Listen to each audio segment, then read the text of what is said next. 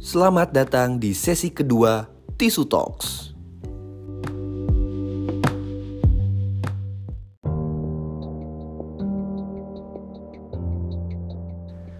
Cerita seputar awal mula maternal disaster terbentuk, tentang suka duka dari Vidi selaku otak di balik suksesnya brand ini, dan sampai cerita keisengan maternal produksi barang-barang uniknya. Penasaran? Let's go!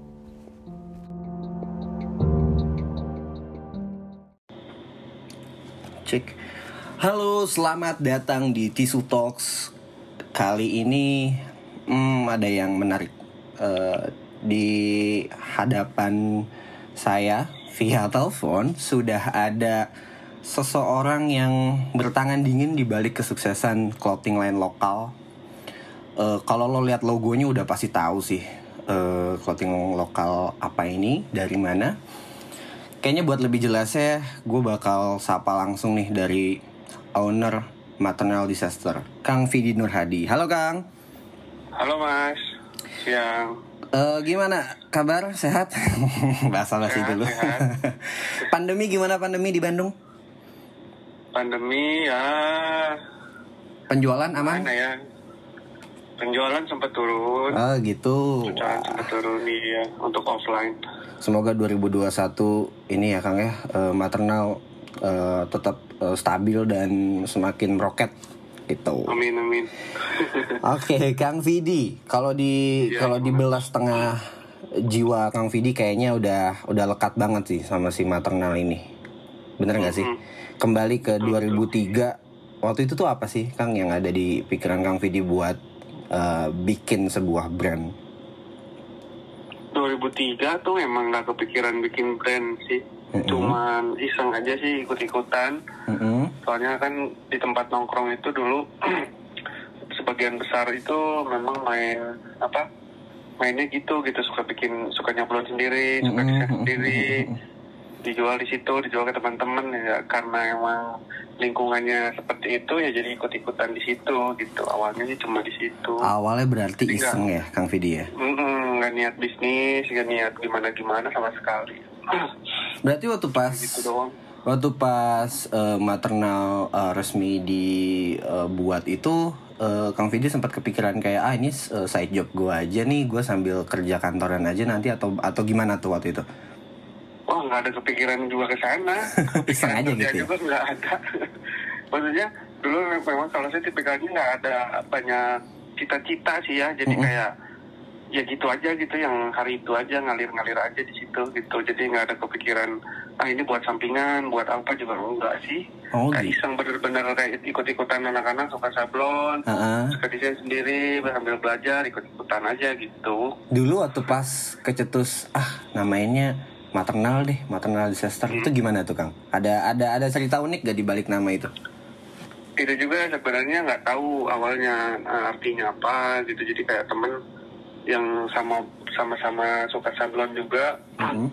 dia bikin kalau bikin sablonan kan harus ada sesuatu gitu ya yang disablon nah dia juga suka iseng apa aja namanya Mm-mm. nah, dia dia bikinlah maternal nah, namanya ucup cup pakailah kata kita tuh Mm-mm. namanya oh iya boleh boleh. Ya gitu doang Se Ingat gak dulu tuh tempatnya di mana? Maksudnya lagi lagi lagi ngegitar-gitaran sama anak-anak atau gimana? Buka kecetus nama itu. gimana ya? Lagi nongkrong. Nongkrong kalau nama itu nama itu tuh sebenarnya lihat di stiker aja. Dia kan bikin stiker. Mm-mm. bagi-bagiin biasa nih eh, hasil sablon gitu kan. Dulu tuh jadi kayak oh lihat bagus. Namanya maternal saya sama Agan dulu minta cut namanya saya pakai lah kita pakai. Oh ya sok aja gitu Oh sesimpel sesimpel itu ya Kang Vidi ya? Maksudnya nggak nggak maksudnya nggak yang oh ini artinya ini artinya itu. enggak enggak. Nggak kepik- belum kepikiran zaman itu. Oke, eh, j- eh, selang berapa lama sampai akhirnya eh, Kang Vidi ngerasa kalau oh ini kayaknya jalan jalan jalan gue nih buat buat hidup. Itu masuk di tahun keberapa tuh Kang Vidi? mungkin di tahun 2013 mungkin ya Wow. udah mulai kayak Oke oke. udah mulai kerasa apa namanya ah, kayaknya udah deh di sini deh gitu 2013 sih kayak kalau 2008 ya masih nah itu masih masih jadi cuman eh, apa ya saya juga kan waktu itu kerja tuh Mm-mm. Eh, jadi kayak ya itu mah hanya sampingan aja lah gitu. Oh, Sambil lumayan. jalan. Oke, oke, oke. Sambil jalan, sambil kerja. Nah mulai, mulai 2013 itu mulai agak dibikin lebih serius, lah, Serius. agak dibikin eh, berdagang lah, iya kasarnya. Oh, oke oke oke. Berarti lumayan cukup lama ya Kang Vidi ya. Kurang lebih hampir 10 tahun buat buat menentuin kalau misalkan ini memang jalan jalan gue ini buat buat mencari nafkah gitu loh. Betul ya? Betul betul. Mm-mm. Sempat ada ini gak sih Kang Punten? Sempat ada eh, apa ngerasa kayak aduh kayaknya gue udah deh cukup deh. Sempat ada fase itu gak sih? Gimana Eh, maksudnya? maksudnya kayak ah udah deh gue cukup buat eh, nggak usah ngelanjutin lagi nih karena eh, progresnya juga 2013 baru ketemu kalau memang ini adalah jalan Kang Vidi gitu loh. Oh enggak sih enggak ada kalau Memang dijalanin gitu aja ya Kang? Eh, eh, soalnya memang sambil main kan itu Mm-mm. karena di lingkungannya jadi jalan nggak jalan juga memang ada di situ aja gitu jadi ya kayak udah kayak udah keseharian aja gitu kayak nyablon desain gitu kan kayak Oh, udah Oke. jadi laku nggak laku tuh ya emang udah biasa maksudnya udah nggak nggak mikirin ke sana Oh, gitu oke emang oke. senang oke, aja oke. Senang aja ya Kang Vidi ya. Mm-mm. Tapi sempat itu nggak sih Kang sempat kayak eh dulu untuk distribusinya eh, kesulitan dan lain-lain karena kan kalau misalkan sekarang kan udah digital ya semua bisa online dan Iya. lain-lain nih Kang. Cuman di era 2003 itu kan dikit banget nih orang yang bisa akses internet gitu Kang Vidi. Dulu distribusinya maternal sendiri gimana tuh? dulu distribusinya ya eh, teman ke teman aja awalnya Oh masih lingkup aja ya. Mm, mulai beberapa tahun mulai ditip di beberapa toko tapi Oke. pun toko-tokonya bukan toko-toko brand jadi lebih Iya. ke musik distro lah distro itu kan lebih ke musik sebenarnya Iya, ya distribution betul, betul, store betul. untuk rilisan band Iya. merchandise band Oke, jadi dulu yang bisa mau nerima maternal tuh hanya di toko-toko yang biasa jualan musik kayak di linoleum, di Omnium, ya, betul, betul. di, di Howling Wolf, Iya, dulu iya, kan iya. sekarang jadi Lawless iya. iya. terus eh, ya di mana Slackers dulu di Jogja, Jogja, jadi iya betul. Venom Oke. jadi memang yang emang relate di musik awalnya gitu makin Oke. ke sini udah ada internet mungkin udah mulai dikenal ya mulailah ada toko-toko yang spesial menjual merek-merek pakaian lah Iya. Ultima, Oke oke gitu oke. oke. Sampai dengan oh, berarti cukup cukup cukup unik juga ya Kang Vidi ya perjalanannya maksudnya dari titip eh, titip edar ke teman-teman gitu kan dari Mhm. ke ke lingkungan skena gitu kan sampai sekarang sampai dengan hari ini maternal udah punya berapa store nih Kang Vidi? kalau toko tuh offline 9 Oke. Itu udah toko offline 9 sih kalau online mah ya website Instagram sama marketplace Oke. Sempat ada kepikiran buat eh, makin lebarin gak sih Kang Vidi misalkan walaupun memang target marketnya mungkin eh, nggak sesuai dengan maternal misalkan titip di Sogo atau di eh, Metro gitu-gitu departemen Oh, store ya. gitu enggak ya? Soalnya kan kalau setahu saya yang gitu memang kuantitinya memang banyak ya. Ah, Oke. Eh, jadi kita juga banyak kendala di masalah kuantiti. Makanya kalau eh, ada orang yang komen, mas habis, mas habis, itu sebenarnya bukan kita nggak mau ngebanyakin produk Quantity ya? sebenarnya. Oke oke. Bukan oke. mau bukan mau apa dibikin limited sebenarnya. Mm-mm. Cuman memang keterbatasan di kitanya pertama misalnya partner vendor kita produksinya mm, biasa bikin 100 misalnya ya Iya. satu desain. Sekarang jadi 200 atau 300 masih sanggup nggak eh, apa produksinya dengan jangka waktu sebulan. Nah, itu kan juga jadi Pokoknya ya. Iya iya iya. Pokoknya Terus banyak gudang, kit- gudang kitanya juga kan kecil, jadi kalau mau dibanyakin eh, istilahnya belum belum ke situ lah gitu. Hmm, jadi kalau iya, untuk iya. kayak masif misalnya masuk eh, mall atau masuk Mm-mm. eh, departemen store gitu ya. grupan kayak Sogo gitu kan Mm-mm. memang setahu saya memang harus kuantitinya harus banyak. Iya, iya. Jadi kayaknya belum gitu kalau Oke untuk oke itu. oke oke. Tapi kalau ngomongin target market juga eh, kayaknya memang tidak nggak ke situ ya Kang ya untuk maternal sendiri ya. Nah, maternal tuh dari awal tuh nggak ada target market sebenarnya. Oh gitu. Oke oke ini Hmm, jadi nih. memang baru sekarang-sekarang aja sebenarnya kita teh ngerti perihal oh market kita tuh seperti seperti ini seperti Hmm, itu kalau Mm-mm. Soalnya kan basicnya kita tuh nggak ada yang profesional di bidang bisnis ya nggak ada Iya yang iya. Mm-mm. nggak ada yang di bidangnya jadi memang teman-teman aja teman-teman main jadi perihal marketing, perihal bisnis itu memang blank. Jadi kita belajar sambil jalan aja gitu. Oh, oke juga oke oke. oke. Belajarnya juga bukan belajar benar, jadi belajar dari internet, dari kata orang, dari pengalaman. Jadi memang bisa dibilang eh, bisnis yang apa ya tidak tidak pada kaidahnya lah. Tapi bisa sesukses sekarang gila sih itu menurut gua salah satu pencapaian brand lokal yang memang khususnya gini. Tadi balik lagi ke ke musik ya, Kang Vidi ya. Eh, Iya. kalau di setiap di setiap event musik apalagi juga eh, event gigs skena dan lain-lain udah pasti minimal ada ada satu dua orang pasti yang datang pakai baju maternal nah itu brandingnya memang memang diciptainnya mau ke musik lebih besar atau gimana tuh kang Vidi waktu itu Karena memang kitanya itu pelaku sebenarnya ya. Oke, Jadi emang kitanya ada di komunitas itu sebenarnya awalnya. Jadi Iya. anak-anak suka bikin acara musik. Mm-mm. Eh, di kampus juga suka ada ada acara musik jadi mungkin kental di situ dan desain desainnya pun memang kan terinspirasinya banyaknya dari musik dan film-film horor jadi Mm-mm. Kebayang saya itu memang yang beli itu yang ada di kis- kisaran itu. Jadi kalau misalnya boleh dibikin target market ya target market kita ya anak SMA sampai kuliah yang suka musik dan film-film. Gitu Hmm. film horor lah bisa dibilang. Hanya itu sebenarnya.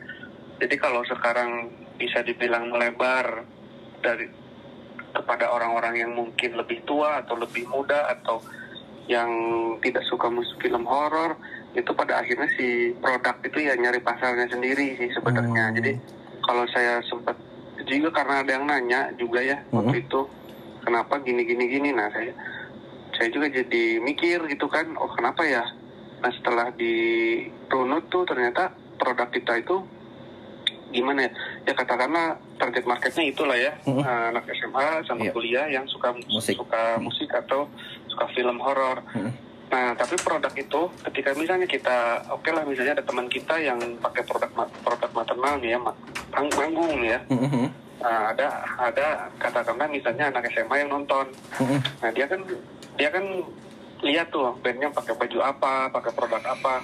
Dia tuh biasanya pengen itu pengalaman saya gitu kan. Mm-mm. Jadi misalnya saya nonton Open dulu, Iya. Aryan pakai sepatu fans, jadi pengen beli sepatu fans gitu kan. Oh jadi Nah. sebenarnya lahir dengan genuine aja ya Kang Vidi ya? Iya. Nah, ketika dia beli, dibawa ke sekolahnya, Mm-mm. teman-teman SMA-nya itu yang nggak ngerti musiknya misalnya atau nggak nggak datang ke acara musik yang sebelumnya itu pengen juga beli itu kan. Mm-mm. Nah, ketika dia pulang ke rumah, adiknya biasanya anak kecil pengen terlihat eh, seperti kakaknya, pengen beli juga anak SD. Bapaknya pengen kelihatan lebih muda, beli juga. Nah, sebenarnya pada akhirnya tuh si produk itu tuh nyari pasarnya sendiri gitu. Hmm. Jadi bukan jadi kita nggak nggak wah sekarang kita mau nyari pasar buat bapak-bapak nih atau buat anak kecil nih enggak. Jadi pada akhirnya sih produk ya gitu sih Oke Ya. oke oke. ber, ber apa namanya liar sendiri gitu. Oke Kang, berarti gini, eh, mungkin itu jadi salah satu alasan Kang Vidi kenapa kemarin dengan tim rilis baju SMA versi maternal, betul? itu gila sih. Kalau itu sebenarnya cuma iseng sih. nah, itu gimana tuh? Itu rame banget kan itu eh, lumayan lumayan viral waktu itu ya di sosial media ya. Ya ju- justru kita nggak nggak berharap dan nggak berencana se seperti itu sih sebenarnya. Jadi itu awalnya itu kan itu juga baru uh, beberapa tahun terakhir ini kita ada meeting targeting mau bikin apa aja. Oh dulu gitu. kan.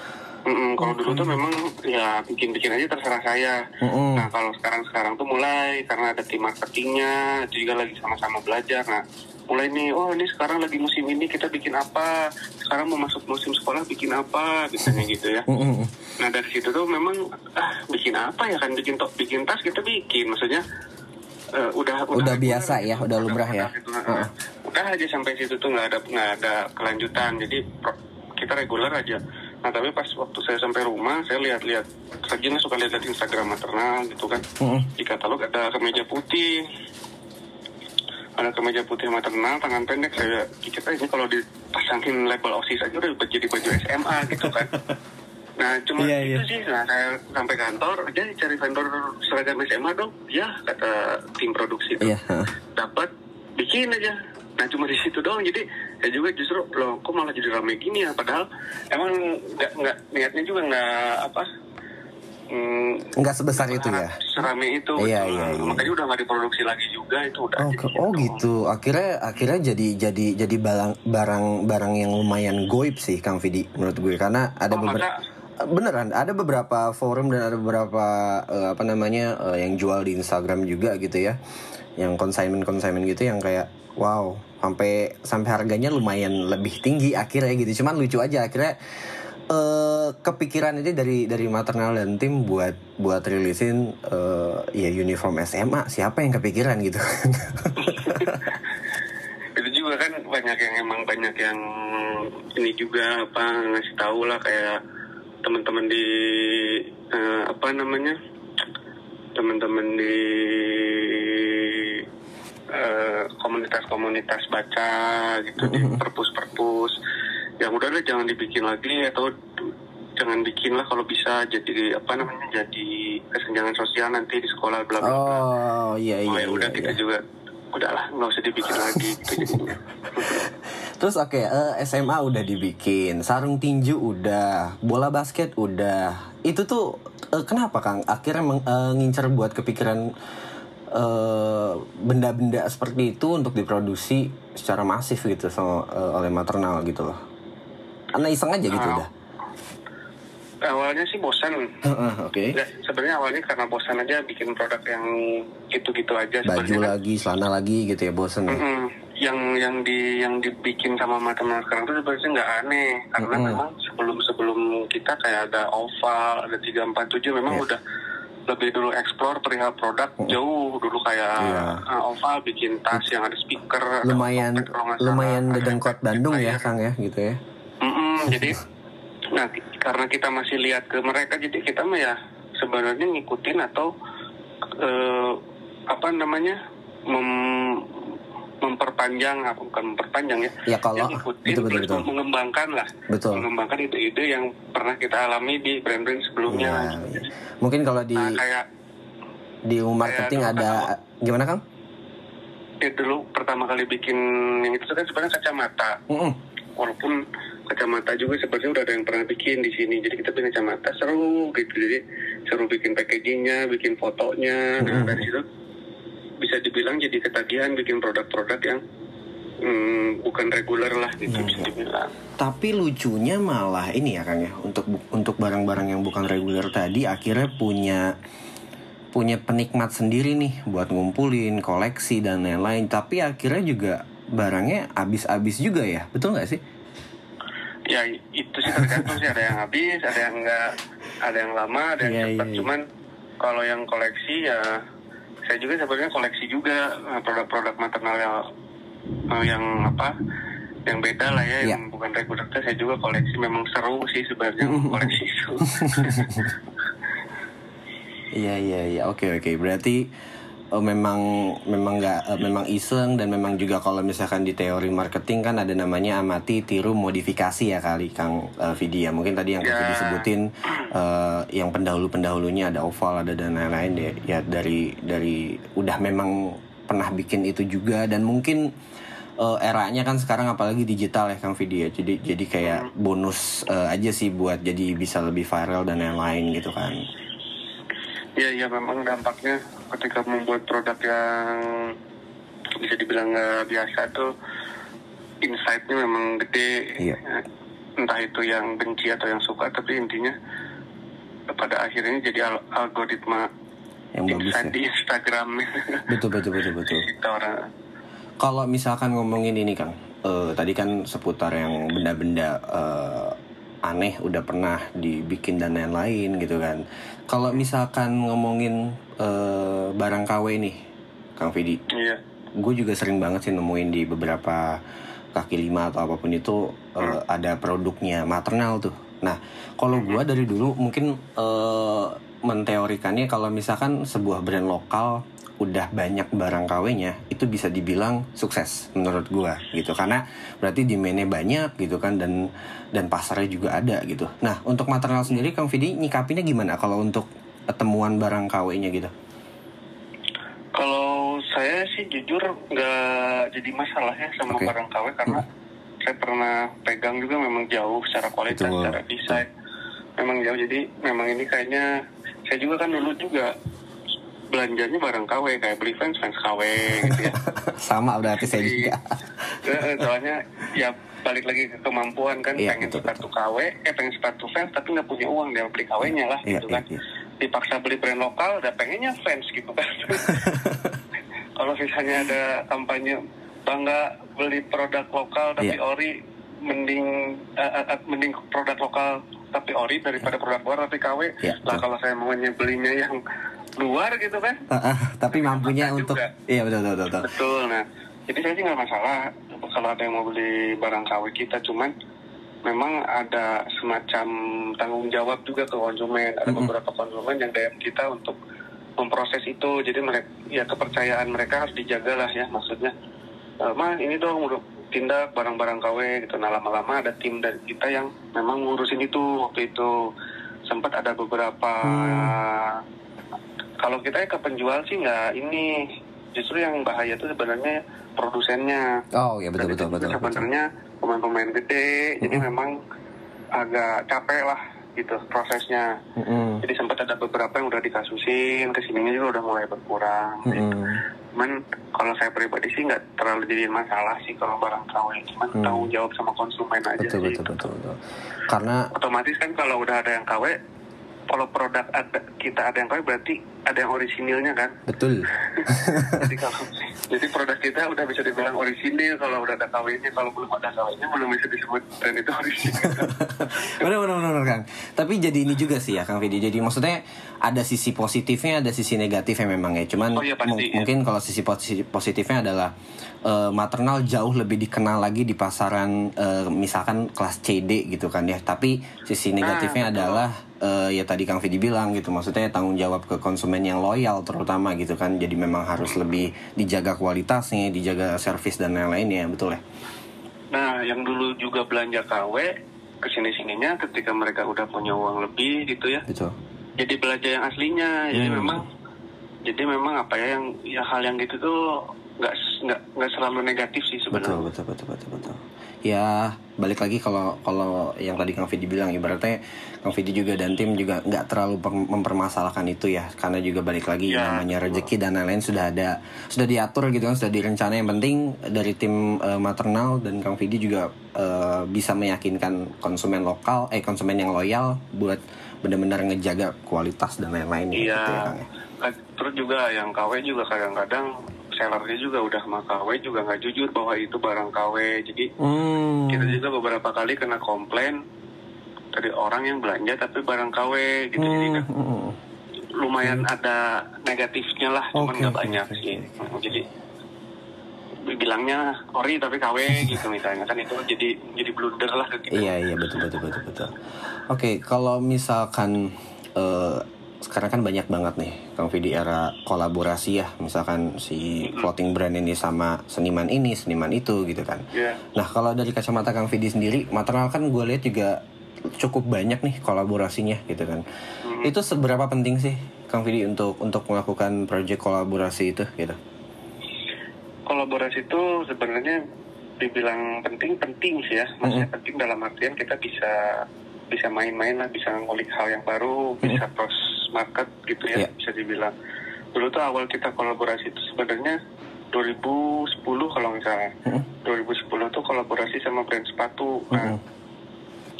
kita tuh pas bikin itu tuh seneng gitu seru karena memang ada dua brand jadi satu kalau istilahnya kalau musik tuh ada split release gitu jadi Betul, kayak ada dua band yang bikin album jadi satu misalnya. nah Hmm. kayak gitulah jadi kayak seru aja Nah, kalau ke sini sininya kita udah mulai liatnya eh, apa namanya kayak semacam apa ya namanya itu tuh ya? Eh, dilihat dulu kali ya senimannya eh, eh, apa namanya maksudnya dia punya demandnya seperti apa ke influen eh, enggak ke sih. Kalau sekarang juga ya?